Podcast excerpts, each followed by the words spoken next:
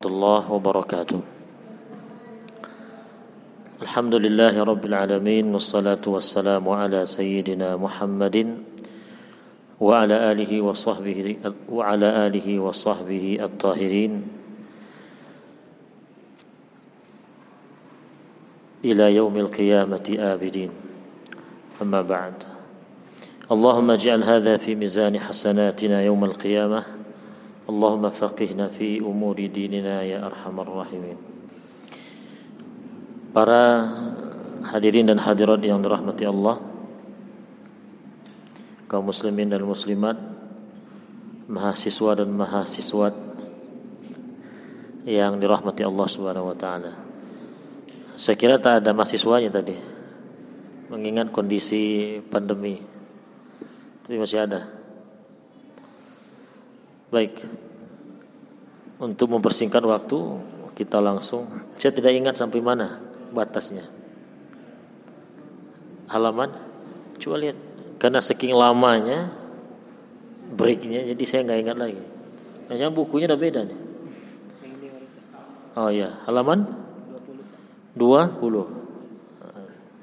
Ini kalau udah lama tuh ya begini. Oke. Halaman 20 Bismillahirrahmanirrahim. Kalau di sini judulnya sub judulnya adalah mantubahu khidbatuha. Perempuan siapa? Siapakah dari perempuan yang boleh kita pinang?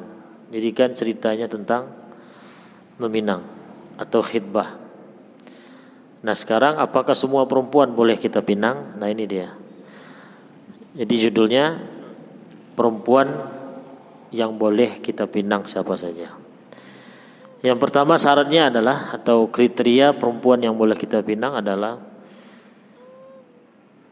perempuan yang boleh kita nikahi atau perempuan yang tidak haram kita menikahinya. Itu yang pertama. Kalau ini mungkin sudah jelas ya kalau perempuan itu nggak boleh kita nikahi, ya tentu tidak boleh kita pinang. Boleh nggak kita meminang ibu kandung kita? Boleh nggak kita meminang ibu tiri kita? Boleh? Ya tidak boleh lah. Karena istri dari bapak kita. Ya kan? Baik itu istri bapak kita yang kandung atau istri bapak kita yang bukan kandung. Jadi perempuan yang boleh kita pinang adalah perempuan yang boleh kita nikahi. Jadi kalau perempuan itu tidak boleh kita nikahi, maka tidak boleh kita pinang. Sebaliknya, perempuan boleh menerima pinangan laki-laki yang boleh dia dinikahi oleh pria itu. Maka kalau ada seorang laki-laki meminang perempuan, lalu perempuan ini tahu atau atau laki-laki itu pun tahu kalau mereka nggak boleh nikah. Tapi laki-laki ini mungkin kuda, karena sudah saking cintanya akhirnya dia binang juga. Maka perempuan ini tak boleh menerimanya. Kenapa? Karena memang tujuan dari meminang itu menikah dan dan menikah ternyata terlarang bagi mereka berdua. Kemudian menikah eh, apa namanya kriteria yang kedua perempuan yang boleh kita pinang adalah Oh sebelum itu dirinci lagi ya. E, jadi perempuan yang tidak boleh kita pinang adalah perempuan yang boleh kita pinang adalah perempuan yang boleh kita nikahi. Maka konsekuensinya perempuan yang tidak boleh kita nikahi maka tidak boleh kita pinang. Siapa saja perempuan yang tak boleh kita nikahi? Nah, itu dia perempuan yang kita ada hubungan darah dengan dia, saudara kandung umpamanya atau perempuan yang tidak boleh kita nikahi karena ada ikatan pernikahan. Contohnya mertua. Saya tidak boleh menikahi mertua perempuan saya. Ya. Atau perempu, atau mertua laki-laki menikahi menantu perempuannya, tak boleh. Atau saya menikahi adik perempuan saya saya masih nikah nih dengan uh, dengan si A, Fatimah umpamanya. Fatimah ada ada ada adik namanya Siti, maka saya tak boleh meminang Siti. Karena saya masih berstatus sebagai suami kakaknya yang bernama Fatimah. Kemudian juga yang tidak boleh kita pinang adalah orang yang sedang perempuan yang sedang iddah. Tahu iddah? Pernah ngalami? Oh, belum. Kalau ada yang ngangguk tuh curiga. Perempuan yang masih yang sedang dalam masa iddah itu tidak boleh kita pinang. Kenapa? Ya karena kita belum boleh menikahinya. Karena dia sedang dalam masa iddahnya. Tunggu dulu iddahnya habis. Karena masa iddah itu gunanya satu untuk menentukan ada janin nggak dalam perut perempuan itu. Yang kedua memberikan tenggang waktu kepada sang suami. Balik? Enggak. Balik? Enggak. Maka diberikanlah waktu itu. Itu hikmah dibalik ada idah itu. Karena mungkin kena emosi saya cerai kamu. Udah selesai. Nah maka ada idah masa idah itu. Tujuannya apa? Ya tadi tadi. E, untuk mengetahui ada janin apa tidak nanti yang kedua untuk memberikan waktu berpikir bagi suaminya yang telah menceraikannya.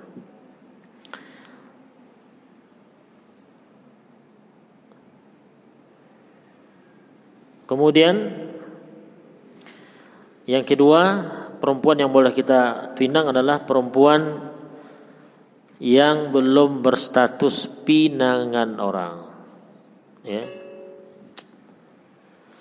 Jadi pinangan orang jangan dipinang pula. Kecuali masih ingat? Ini sudah kita bahas kemarin. Perempuan yang dipinang yang sudah menerima pinangan orang itu secara umum tidak boleh kita pinang dia. Kecuali nah ada kecualinya. Kecualinya adalah apabila yang pinangannya itu laki-laki yang meminang itu mengizinkan. Mungkin dia mau adu ya. Kira-kira diterima nggak ente ya, taruhan mungkin. Saya terima nih saya udah terima. Sekarang coba ente tapi diam-diam jangan kasih tahu saya. Jangan kasih tahu dia ini nah kalau orang yang meminang itu mengizinkan yang pertama itu ya yang sudah diterima maka ya sudah boleh. Boleh. Maka meminang perempuan yang sedang dipinang laki-laki dan belum ada jawabannya ah itu perlu hati-hati. Perlu hati-hati Tunggu dulu lah. Monggo. Kalau jodoh tak akan ke mana ya kan? Ya. Ketika sudah tahu lampu hijaunya, ditolak umpamanya, nah baru kita maju. Atau kalau mau maju juga bareng-bareng ya kasih tahu orang itu, saya mau minang itu juga ya. Kan belum ada jawaban ya? Ya. Nah, sekarang saya mau minang juga. Terima nggak nanti kalau saya terima? Oke, pokoknya siapa pun yang diterima, yang diterima di antara kita kita ridho. Ayah sudah. Pinanglah bareng-bareng. Rupanya semuanya nggak ada yang diterima. Jadi yang kedua perempuan yang boleh kita pinang adalah perempuan yang belum berstatus pinangan orang lain. Kemudian nah dua itu saja. Ya. Perempuan yang boleh kita pinang pertama adalah perempuan yang boleh kita nikahi. Yang kedua, perempuan yang belum berstatus pinangan orang. Baik, sekarang halaman 22 Ru'yatul makhtubah, melihat perempuan yang mau dipinang. Nah, ini dia. Kalau zaman sekarang tidak penting. Karena tak tidak menengok pun dan tertengok. Ya Kita tak minta pun dikasihnya. Kalau zaman dahulu, ah ini penting. Kenapa perempuannya pakai cadar dalam artian sudahlah perempuannya jarang di rumah, eh, jarang di rumah, jarang di luar. Ditambah lagi kalau keluar mereka menjaga auratnya hijab ya, pakai cadar. Maka ketika mau minang, ah sangat penting ini, urgen sekali tapi kalau zaman sekarang, nah itu yang saya katakan tadi. Ini bagi perempuan yang nggak bercadar ya. Kalau bercadar nanti disuruh disuruh buka cadar pula. Tahu kasus terbaru. MTQ ya. Nah, jadi bagi perempuan yang bercadar ketika nanti dipinang orang laki-laki, nah tolong dipahami ini. Dia mau lihat, buka cadarnya, nggak ada ceritanya. Kalau sudah pinang, ya sudah harus diterima, eh, harus harus serius dan tak boleh nggak ada. Itu perempuan yang nggak paham hukum atau walinya nggak paham. Maka Islam tidak mau kita itu menikahi seorang perempuan seperti membeli kucing dalam karung. Kalau beli kucing dalam karung masih enak. Ketika buka karungnya ternyata bukan kucing atau kucingnya bukan tipe kita campakkan selesai. Kalau perempuan gimana? Ah, rusak jadinya. Maka memperhatikan uh, perempuan yang dipinang itu itu kebutuhan ketika menjalin rumah tangga, mau menjalin rumah tangga. Jangan disepelekan itu. Mau dia ustadz nanti eh, apa namanya istilahnya MR-nya atau kan zaman sekarang bisa juga orang begini, bang, tolong cariin bang, saya mau nikah bang, cariin akhwat bang gitu, perempuan. Jadi walaupun kita minta tolong sama orang, sepercaya apa pun kita sama orang yang kita suruh mencarikan istri buat kita, Tolong ini jangan diabaikan. Ya. Walaupun orang tua, karena selera orang tua belum tentu sama dengan kita. Iya kan? Orang tuanya mungkin memandang anaknya nilainya B oke okay lah terima dia. Rupanya selera anaknya A. Kacau nanti. Dan kita orang tua pahamlah hal ini. Ingat masa bujang kita dulu mau nikah. Jadi walaupun orang tua yang mencarikan pasangan kita, maka dilihat dulu. Maka di sini temanya apa namanya subjudulnya ru'yatul makhtubah, melihat perempuan yang ingin dipinang atau ingin dinikahi. Kata Syekh Wahbah ini, yajuzun nazar lil mar'atil ajnabiyah lid darurah aw lil hajah. Boleh kata boleh melihat perempuan yang ajnabi, artinya perempuan yang tidak ada hubungan darah dengan kita atau perempuan yang tak boleh kita lihat boleh kita melihatnya dengan alasan satu darurat. Darurat ini berarti kondisi di mana tidak ada pilihan lain, harus dilihat. Atau lil hajah ada kebutuhan. Nah, ini dia. Jadi melihat perempuan yang mau dipinang masuknya alasannya itu masuk ke sini karena kebutuhan saya melihat dia karena saya butuh untuk menikahinya, maka dibolehkan kita melihatnya. Kebutuhan melihat perempuan di sini bukan hanya pas meminang. Seperti sekarang, saya butuh menyampaikan materi kepada akhwat sekarang, maka saya dibolehkan melihat Anda. Guru-guru umpamanya, dosen, ya, uh, apa lagi? Atau ketika transaksi jual beli. Nah, apalagi itu. Jadi jangan dianggap jangan terlalu sempit memahami ghaddul basar itu. Ghaddul basar itu memang iya dalam agama kita ya, menundukkan pandangan itu ya, artinya menjaga pandangan untuk tidak melihat perempuan tanpa keperluan. Itu ya, betul. Tapi keperluannya situ jangan dipersempit. Oh, ketika minang saja tidak, ya.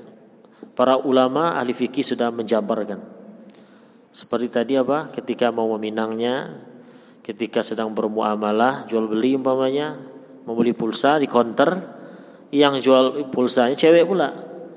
Gimana kita mau beli? Mbak beli pulsa mbak? Ah, gimana? Atau ke bawah ya mbak? Maaf mbak. Nah. Kemudian nah melihat perempuan yang dipinang ketentuannya adalah nggak boleh berdua tok apa berdua tok itu? Tidak boleh berduaan saja, harus ada orang ketiga. Orang yang ketiga ini adalah sua apa namanya? E, orang tua dari perempuan itu atau keluarganya. Jadi jangan sampai orang tuanya ke belakang pula. Iya silakan lihat deh ya e, bapak ibu mau ke belakang bisa. Jadi harus ada yang menemani. Kalau tidak, maka terjadilah khalwat namanya. Khalwat itu satu perempuan dengan satu laki-laki yang tak boleh berduaan. Ya, mungkin apa bukan mungkin. Karena tidak ada hubungan darah umpamanya atau bukan karena ada ikatan pernikahan, maka tidak boleh. Kapan boleh berduaan? Kalau sudah ada orang ketiga. Jadi namanya bertigaan. Ini baiknya keluar dalam, dalam aja kan? Oh, dua. Oh. Luar bi luar biasa ini. Luar juga. Baik, jadi ketika mau memandang perempuan yang mau kita nikahi itu harus ada orang yang ketiga. Harus ada orang ketiga. Baik itu dari keluarga perempuan atau keluarga laki-laki. Atau teman yang memang dia bisa dipercaya. Kalau sama aja perangai dia dengan perangai temannya nggak bisa. Jadi boleh boleh ada teman bias teman yang menemani. Tapi temannya harus teman yang dipercaya dan dia memang nanti bisa melarang mencegah kalau ada hal-hal yang tidak diinginkan baik Kembali ke masalah yang perempuan cadar tadi, karena ada kasus begini. Perempuan bercadar itu menganggap kalau sudah meminang dan melihat wajahnya, dia buka cadarnya, maka dia punya pandangan bahwa laki-laki itu harus menerimanya. Salah, Neng. Melihat itu, melihat perempuan yang mau kita nikahi itu sama dengan melihat barang yang mau kita beli. Kita, saya mau beli HP nih di apa namanya itu di brosurnya ah, ini ada itu kan baru baru pajangan. Nah sekarang saya mau lihat bisa lihat barang aslinya. Nah akhirnya diambil kan, ini dia barang aslinya. Saya tanyalah berapa RAM-nya segala macam. Kalau nggak cocok boleh nggak saya batalkan? Boleh lah. Ya kecuali yang sudah kan ada HP yang mau disegel kan yang udah itu ada emang ketentuannya nggak boleh dibuka kalau dibuka ya berarti beli ada juga seperti itu tapi ketika meminang perempuan dan kita mau lihat itu bukan satu bukan bertanda bahwa kami laki-laki wajib menikahi anda itu kalau perempuannya bercadar alias wajahnya tidak bisa diakses dengan mudah paham ya Kayak sekarang ini ada yang muda yang wajahnya bisa saya akses lihat, bisa saya akses dengan mudah karena nggak pakai cadar. Kalaupun pakai masker mungkin nanti dibukanya. Tapi yang pakai cadar susah kita. Maka itu dalam kondisi seperti itulah terjadi. Jadi ketika akhwat yang pakai cadar ini dibuka cadar, dilihat oleh perempuan oleh laki-laki itu, langsung loyo. Ya, kan? senyumnya tadi segini, akhirnya Gimana gimana akhi? Hmm. Masya Allah, Masya Allah. Nah, akhirnya apa? Mundur teratur lah si laki-laki ini. Kebetulan perempuannya nggak sadar pula, nggak radarnya pendek pula, nggak bisa menangkap. Gimana akhi di WA umpamanya? Oh gimana ya? Tadi saya udah ngomong dengan orang tua bahwa mundur teratur. Ketika mundur teratur ini, apa yang terjadi? sakit hatilah perempuan ini. Mulailah dia menulis apa menulis curhatannya di status FB. Laki-laki ketika menikah hanya karena nafsu. Wah itu pula. Kalau nggak nafsu nggak nikah dia. Itu kalimat yang perlu dibetulkan. Kalau laki-laki itu nggak bernafsu pada perempuan, nikah nggak dia? Nggak. Jadi nggak ada laki-laki ketika mau menikah pasti kena dorongan nafsu. Kalau kalau anda mau dinikahi oleh laki-laki yang tak bernafsu, itu anda yang nggak normal. itu terbalik berarti. Nah jadi itu. Ini buat perempuan ya, karena kasusnya perempuan yang alami. Laki-laki nanti aja kan. Jadi tolong dipahami dengan baik bagi yang bercadar. Jangan tersinggung dan jangan menganggap laki-laki yang mundur teratur itu tidak berakhlak, bejat, nikah hanya untuk nafsu birahi, jangan. Anda yang salah itu. Karena tidak ada ketentuan dalam agama kita kalau sudah buka cadar melihatkan wajah ke orang yang mau menikahi kita itu berarti dia wajib menikah menikahi kita. Tidak bisa. Itu tujuannya masih dalam konteks memilih. Dalam artian masih ngecek, check in. Dicek. Oh iya, mantap. Nah, sekarang yang dilihat apa? Ini bagi laki-laki. Yang boleh kita lihat adalah wajah dan kedua telapak tangan. Oke. Wajah dan telapak tangan dalam kondisi terbuka. Bagaimana kalau selain dua area ini? Boleh dilihat dalam kondisi tertutup. Tengok aja dari atas ke bawah. Cereng, cereng, cereng, cereng, cereng, cereng. Betul. Karena Nabi pernah berpesan kepada bertanya pada seorang sahabat. Karena sahabat ini ngasih tahu, ya Rasulullah saya menikah, saya mau menikah. Kata Rasulullah, udah kamu lihat orangnya? Belum, lihat. Ya saya lupa, saya tidak hafal teks hadisnya, tapi isinya itu lihat sampai kamu mendapatkan atau merasakan sesuatu yang mendorong kamu untuk menikahinya.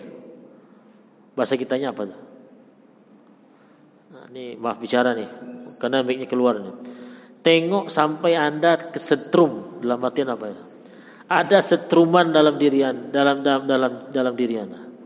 Nyetrum deh, atau nyetrum. Artinya melihatnya tuh mantap ini. Ah, itu sudah.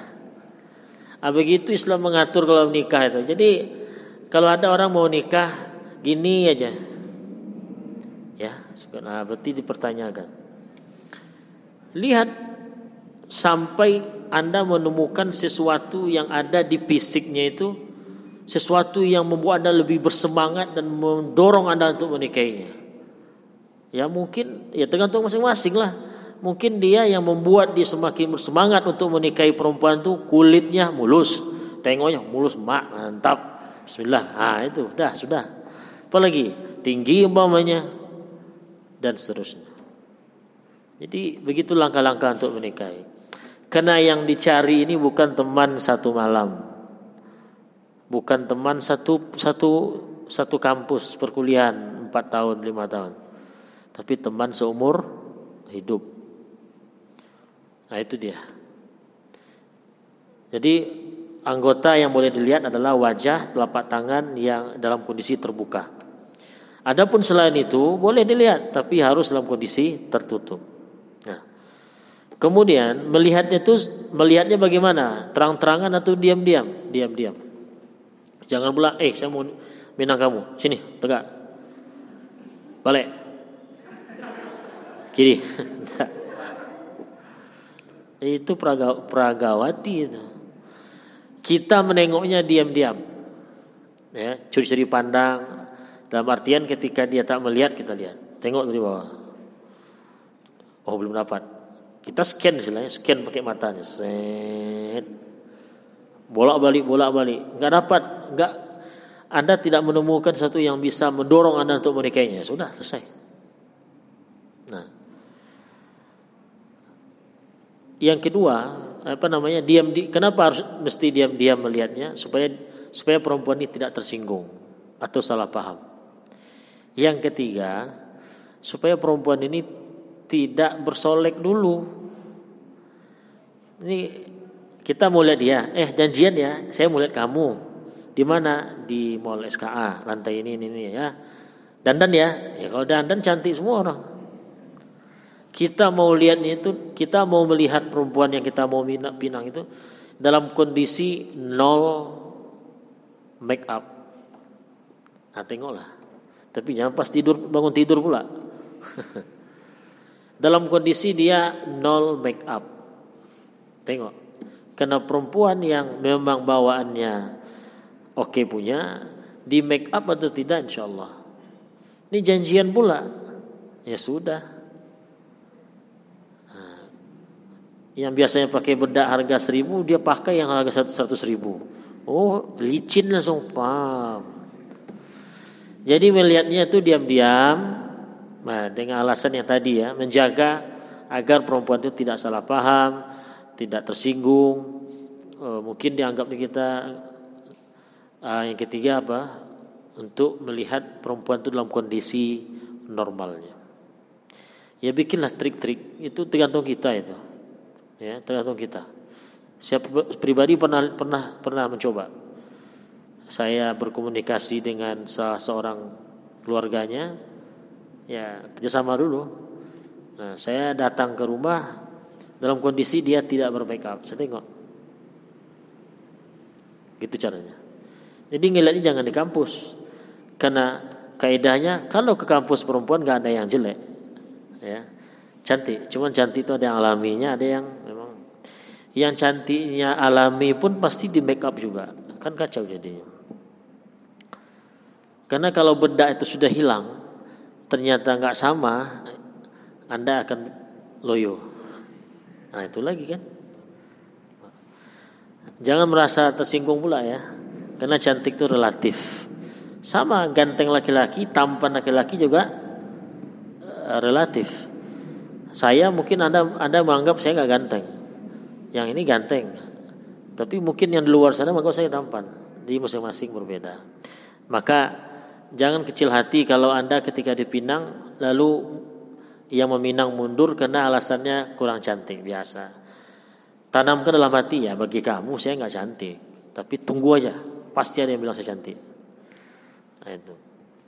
Kemudian ini ada dalam mazhab Hambali ya, mazhab Imam Ahmad ada area-area tambahan yang boleh dilihat.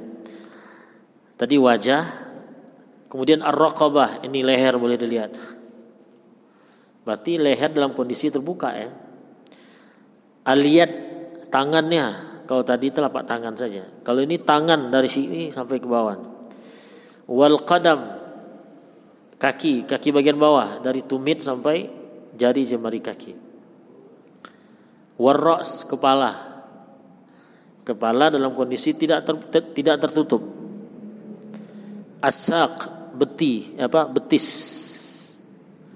Betis dalam kondisi tidak tertutup. Nah ini tambahan dari mazhab Hambali ini. Ya, ya saya rasa nggak juga nggak perlu juga lah untuk sampai ke sana. Yang kita butuhkan dua saja, wajah dengan telapak tangan.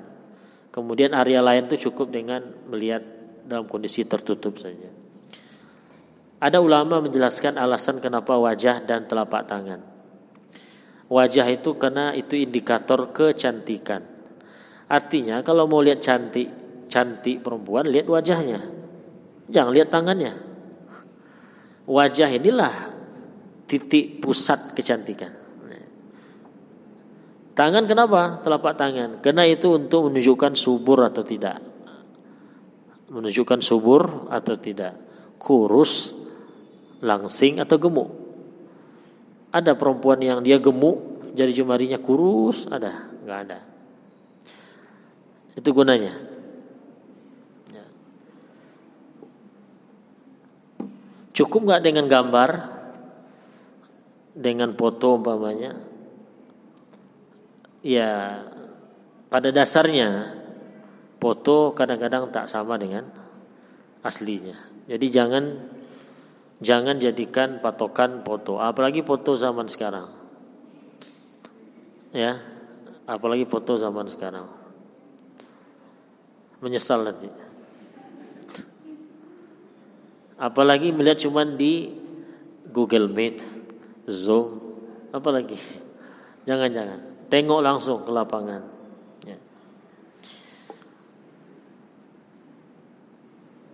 Dan boleh melihat perempuan yang mau kita pinang itu berulang kali. Ya. Boleh dilihat berkali-kali. Mungkin karena belum juga ada sentruman, tengok terus, tengok terus, tengok. Hari ini lihat masih juga belum ada. Besok dilihat lagi, belum juga. Udah sampai seminggu, enggak juga. Ya sudahlah. Berarti ini tak ada sentruman sama sekali. Nah. Jadi begini, melihat perempuan itu kalau kita mau mau resmi gitu ya, maka harus ada pendamping. Tapi kalau kita mau lihatnya diam-diam, ah itu nggak perlu ada pendamping. Contoh dekat lah mahasiswa, kalian di kampus nih. Kalian mau menikah lalu sudah siap dan memang bismillah mau menikah sekarang Anda mau mencari. Tahu-tahu ada ada ada lima kandidat, nah Anda mau mencak, mau lihat langsung. Nah, bisa Anda tengok dari jauh, dari dekat itu umpamanya boleh. Pas dia lagi di kantin sama teman-temannya Anda bisa lihat. Oh, begitu. Jangan tulis di kening. Awas, saya lagi mengintai, jangan apakah perempuan saja ya apa apakah laki-laki saja yang boleh melihat tidak perempuan juga boleh melihat tapi itu nggak payah itu ya kan yang payah itu kan melihat perempuan maka yang dibahas itu yang banyak ya itu. Tapi bukan berarti perempuan tidak boleh melihat laki-laki yang meminang. Tengoklah. Sama nengoknya tengok atas bawah. Sama maunya yang seperti artis Bollywood tengok. Eh artis artis warpoyan anda jadi umpamanya kan? Nah, boleh. Nah kemudian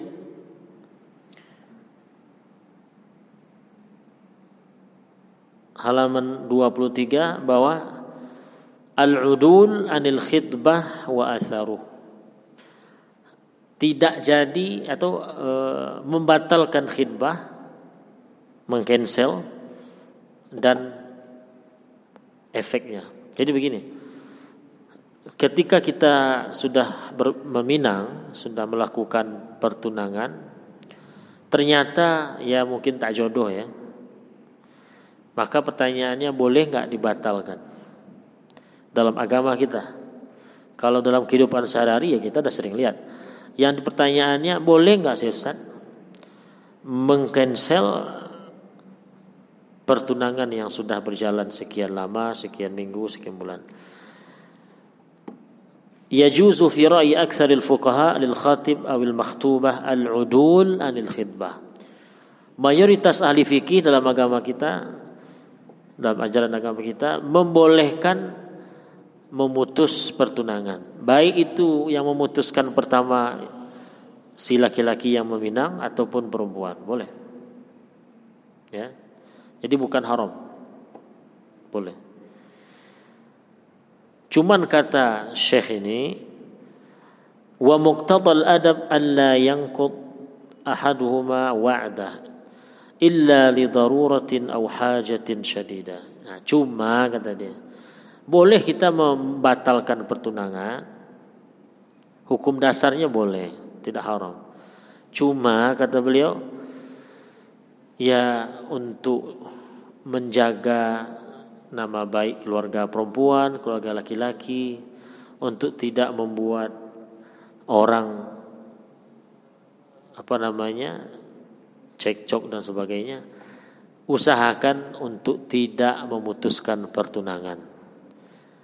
Kecuali kecuali darurat dan ada kebutuhan yang sangat-sangat dibutuhkan. Tanpa alasan dua ini sebaiknya jangan main putus-putus saja.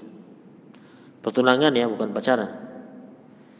Jadi kalau si A sudah melamar atau meminang seorang perempuan, maka si A ini boleh memutus hubungannya dengan si A, memutuskan pertunangannya dengan perempuan ini. Ya, tapi sebaiknya jangan diputus kecuali ada alasan darurat. Darurat itu berarti nggak ada pilihan lain. Atau kebutuhan yang tak bisa dielakkan. Nah itu. Sebab ini akan memicu nah, memicu perselisihan. Apalagi daerah yang pertunangan itu sudah hampir mirip dengan walimahannya. Ada daerah yang bertunangan saja, pertunangan itu udah hampir kayak walimahnya saja. Satu kampung tahu. Kalau sempat terjadi apa yang terjadi? Apa akibatnya? Keluarga perempuan bisa malu. Dia pun dah gini-gini cincinnya, tenteng tenteng tenteng. Rupa nggak jadi. Malunya nah, ya. Jadi boleh kita memutuskan pertunangan, tapi sebaiknya jangan diputuskan kecuali darurat atau kebutuhan yang sangat-sangat mendesak. Nah, kenapa demikian? Karena memenuhi janji itu sebuah hal yang dituntut dalam agama kita. Nah sekarang ada pengaruhnya nggak, ada efeknya nggak dalam agama kita, menurut agama kita, kalau pertunangan itu diputuskan? Jawabannya tidak ada. Ya, dalam agama kita, ketika pertunangan diputuskan itu tidak ada efeknya. Hukum haram tidak, berdosa tidak, segala macam. Tapi mungkin secara adat bisa jadi ada. Ada. Laki-lakinya sebayar denda, atau siapa yang memutuskan bayar denda umpamanya. Nah, itu adat itu. Itu kebiasaan daerah itu. Dalam Islam nggak ada. Kan baru melamar. Kan masih dalam hubungan pertunangan. Boleh putuskan boleh, dilanjutkan juga boleh. Maka efeknya dalam perspektif agama kita nggak ada. Baik, kemudian mungkin ada yang sudah berpikir kalau pertunangan dibatalkan biasanya menjadi pertanyaan apa? Tanda apa namanya itu? Tanda pertunangan. Mungkin cincin yang diberi atau mungkin kain batik ya. Macam-macam lah. Hantaran pertunangannya. Nah, itu. Boleh nggak bagi seorang laki-laki yang meminang, yang memberikan tanda tunang, pertunangan itu berupa cincin umpamanya, dia minta balikkan lagi. Sini, cincin saya tadi. Kan kita nggak jadi umpamanya. Nah, jawabannya lil khatibi bil ittifaq istirdadu ma qaddamahu min mahr. Ulama sepakat boleh bagi laki-laki yang meminang meminta kembali apa yang dia berikan kepada perempuan yang dia pinang? Boleh. Ketika pertunangan batal ya. dia berikan cincin sekian uh, gram. Rupanya nggak jadi. Di cancel di tengah jalan pertunangannya maka boleh dia minta. Ya boleh. Oh tersinggung mempelai perempuan. Apa namanya? Keluarga perempuannya. Oh nggak ada masalah nah itu dia Ya, keluarga perempuan paham-paham aja lah. Masa dipegang juga lagi barang tuh. Baik.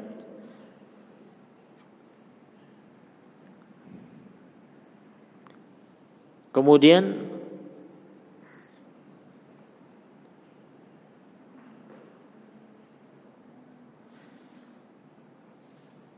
sampai situ dulu. Mungkin ada pertanyaan silakan. Monggo. Perempuan mungkin bisa ditulis atau langsung kalau mau.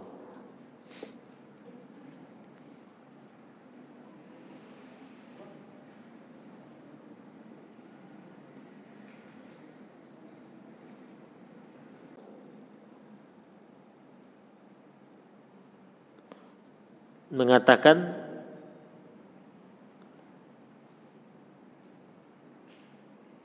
dibagi dua dibagi dua. Jadi kalau cincin dikasih harga cincin 2 juta, maka laki-laki yang meminang tadi yang kena batal dia minta lagi bagi dua. Berarti sejuta buat perempuan yang dipinang, sejuta bagi laki-laki. Ya. Pendapat yang ketiga, mazhab Hambali, dia dibaginya dulu. Yang membatalkan siapa? Nah, yang membatalkan itu pihak perempuannya atau laki-lakinya ini. Kalau yang membatalkan itu pihak laki-laki, maka dia tidak boleh minta kembali. Karena ente yang minta batalkan. Tapi kalau perempuan yang pihak perempuan yang membatalkan pertunangan, maka boleh si laki-laki yang meminang minta balik. Nah, bagaimana solusinya di di, di daerah kita ya? Tinggal lihat Kira-kira mazhab mana yang bisa dipakai? Ya. Berarti ada tiga pendapat tadi. Hantaran hadiah yang diberikan oleh keluarga atau pihak laki-laki yang meminang, lalu pertunangan dibatalkan, maka bolehkah laki-laki ini meminta kembali? Nah tiga pendapatnya. Yang pertama pendapat Syafi'i dengan Hanafi membolehkan mutlak, boleh hadiah kok hadiah itu sama dengan hibah kata dia Kemudian pendapat yang kedua dibagi dua. Pendapat yang ketiga dilihat yang membatalkan siapa dulu. Kalau laki-laki yang membatalkan maka dia tak boleh minta balik lagi. Kalau perempuan yang membatalkan maka boleh laki-lakinya meminta. Baik. Mana pertanyaan? Tolong. Saran seorang laki-laki karena memang mungkin pihak perempuan melihat finansialnya belum memadai, ya boleh, tak ada masalah. Tapi memadainya ini perlu diperjelas. Apakah memadai di sini artinya Anda ingin yang meminang itu penghasilannya itu di atas normal? Ya itu perlu dikaji ulang ya. umpamanya biaya hidup sebulan 5 juta umpamanya. Ternyata penghasilan laki-laki yang meminang anda itu setelah anda cari tahu baru 500 ribu sebulan atau satu juta. Ah itu jelas boleh lah. Tapi yang meminang itu gajinya ya sudah ya. Kalaupun tidak menengah ke atas menengah ke bawah tapi karena memang stylenya tinggi, selera cewek ini tinggi, ya. Kalau punya mobil, mobil harus mereknya ini. Oh gitu. Lalu dia menolak lamaran itu. Nah itu kurang tepat. Ya, kurang tepat itu. Kekayaan bisa dicari nanti. Yang jelas itu Anda bisa nggak dia menafkahi Anda? Nafkah pokoknya itu terpenuhi apa tidak? Nah kalau terpenuhi lalu anda terima alhamdulillah. Jadi boleh jawabannya ya. Jawaban, jawaban singkatnya boleh perempuan menolak lamaran seorang laki-laki karena alasan finansial laki-laki yang meminangnya ini yang melamar ini dianggap belum cukup titik. Cukup apa? Cukup untuk menafkahi uh, secukupnya. Karena belum cukup ini ke mana-mana perginya. Belum cukup untuk punya mobil. Belum cukup untuk bisa jalan-jalan ke Singapura dan segala macamnya. Berat itu. Cuman ya nasihat saya kepada akhwat jangan terlalu memberatkan diri untuk ya dalam masalah finansial. Tengok saja laki-lakinya kinerjanya gimana, tingkat apa nama etos kerjanya, orangnya semangat kerja, giat. Nah itu yang butuh, itu yang perlu kita. Dia kaya raya, tapi bukan dia yang cari duit, kena duit bapaknya. Mau kalian nikahi? Ah itu bukan level aman itu. Tiba-tiba ayahnya bangkrut, atau tiba-tiba ayahnya nggak berikan warisan, umpamanya. Habis sudah. Jadi yang perlu anda lihat adalah ada nggak semangat kerjanya dia gimana? Itu yang dibutuhkan sebetulnya. Mau duit melimpah waktu itu dia punya, tapi etos kerjanya kurang, semangat kerjanya nggak ada, ya sudah, itu bermasalah. Lebih baik menerima pinangan laki-laki yang jual gorengan setiap sore, tapi dia yang bekerja, dia yang menghasilkan, giat, daripada menerima pinangan anak babe ya. Duitnya duit orang tuanya mobil yang dia pakai mobil orang tuanya ah kacau. Baik. Sudah terjawab? Hanya mengganggu berarti itu yang nanya tadi. Pertanyaannya. Bismillahirrahmanirrahim Pertanyaan apa sajakah yang penting untuk kita tanyakan kepada pihak perempuan ketika kita berniat untuk menikahi dia? Mak ini personal ini. Nggak bisa saya uraikan satu-satu karena ini personal. Anda bisa nanyakan hal-hal yang penting menurut anda. Tapi secara umum tanyakan kepada dia hal-hal yang akan hal-hal yang berkaitan dengan nasib anda atau kehidupan anda di masa depan contoh begini anda punya prinsip tidak akan tinggal di rumah mertua. Ya berarti Anda tanyakan, wahai ukti, kalau kita menikah nanti siap nggak hidup dengan saya di mana saja saya berada? Enggak. Nah, ya sudah. Cerai. Jadi tanyakan kepada pihak perempuan hal-hal yang memang berkaitan dengan ya kehidupan Anda nanti setelah menikah. Prinsip Anda, tanyakan ke dia. Cocok nggak dengan prinsip Anda? Kalau Anda merasa penghasilan belum cukup, rasanya tanyakan juga. Ukti saya ingin menikahi ukti, tapi penghasilan saya baru baru 2 juta sebulan. Itu pas-pas penuhnya, kalau enggak ya sejuta. Siap? Jadi yang tahu ya Anda sendiri. Dan perempuan boleh juga bertanya, tidak ada masalah. Oh, akhi mau nikahi saya, mulamar. Oh iya, saya ada beberapa pertanyaan. Pertama, saya ini anak terakhir perempuan. Sepertinya orang tua saya mengharapkan saya tinggal bersama dia. Nah, bagaimana kalau kita nanti tinggal bersama orang tua saya setelah menikah? Ta, langsung. Ya. Intinya tanyakanlah kepada calon yang akan dinikahi atau dilamar terkait hal-hal yang berkaitan dengan kemaslahatan bersama. Nah, itu anda yang lebih tahu. Ya. Umpamanya seperti seperti ini. Ukti, saya mau mau melamar ukti. Uh, cuman saya ini memang tipe saya yang pro poligami. Boleh nggak saya poligami nanti setelah nikah? Saya harus mau poligami. Kata dia nggak boleh ya sudah. Ya, boleh nggak ada masalah. Sebaliknya perempuan yang bilang begini, oh abang mau mau melamar saya, oh gitu ya ya. Uh, boleh nggak saya nanya apa? Abang ada niat poligami nggak nanti? Kenapa demikian? Karena saya nggak mau di di di diwakan di, di madu. Oh gitu ya ya. Nah laki-laki menjawab. Kalau dia memang pro poligami ya sudah terus terang saja. Jadi boleh menanya seperti itu.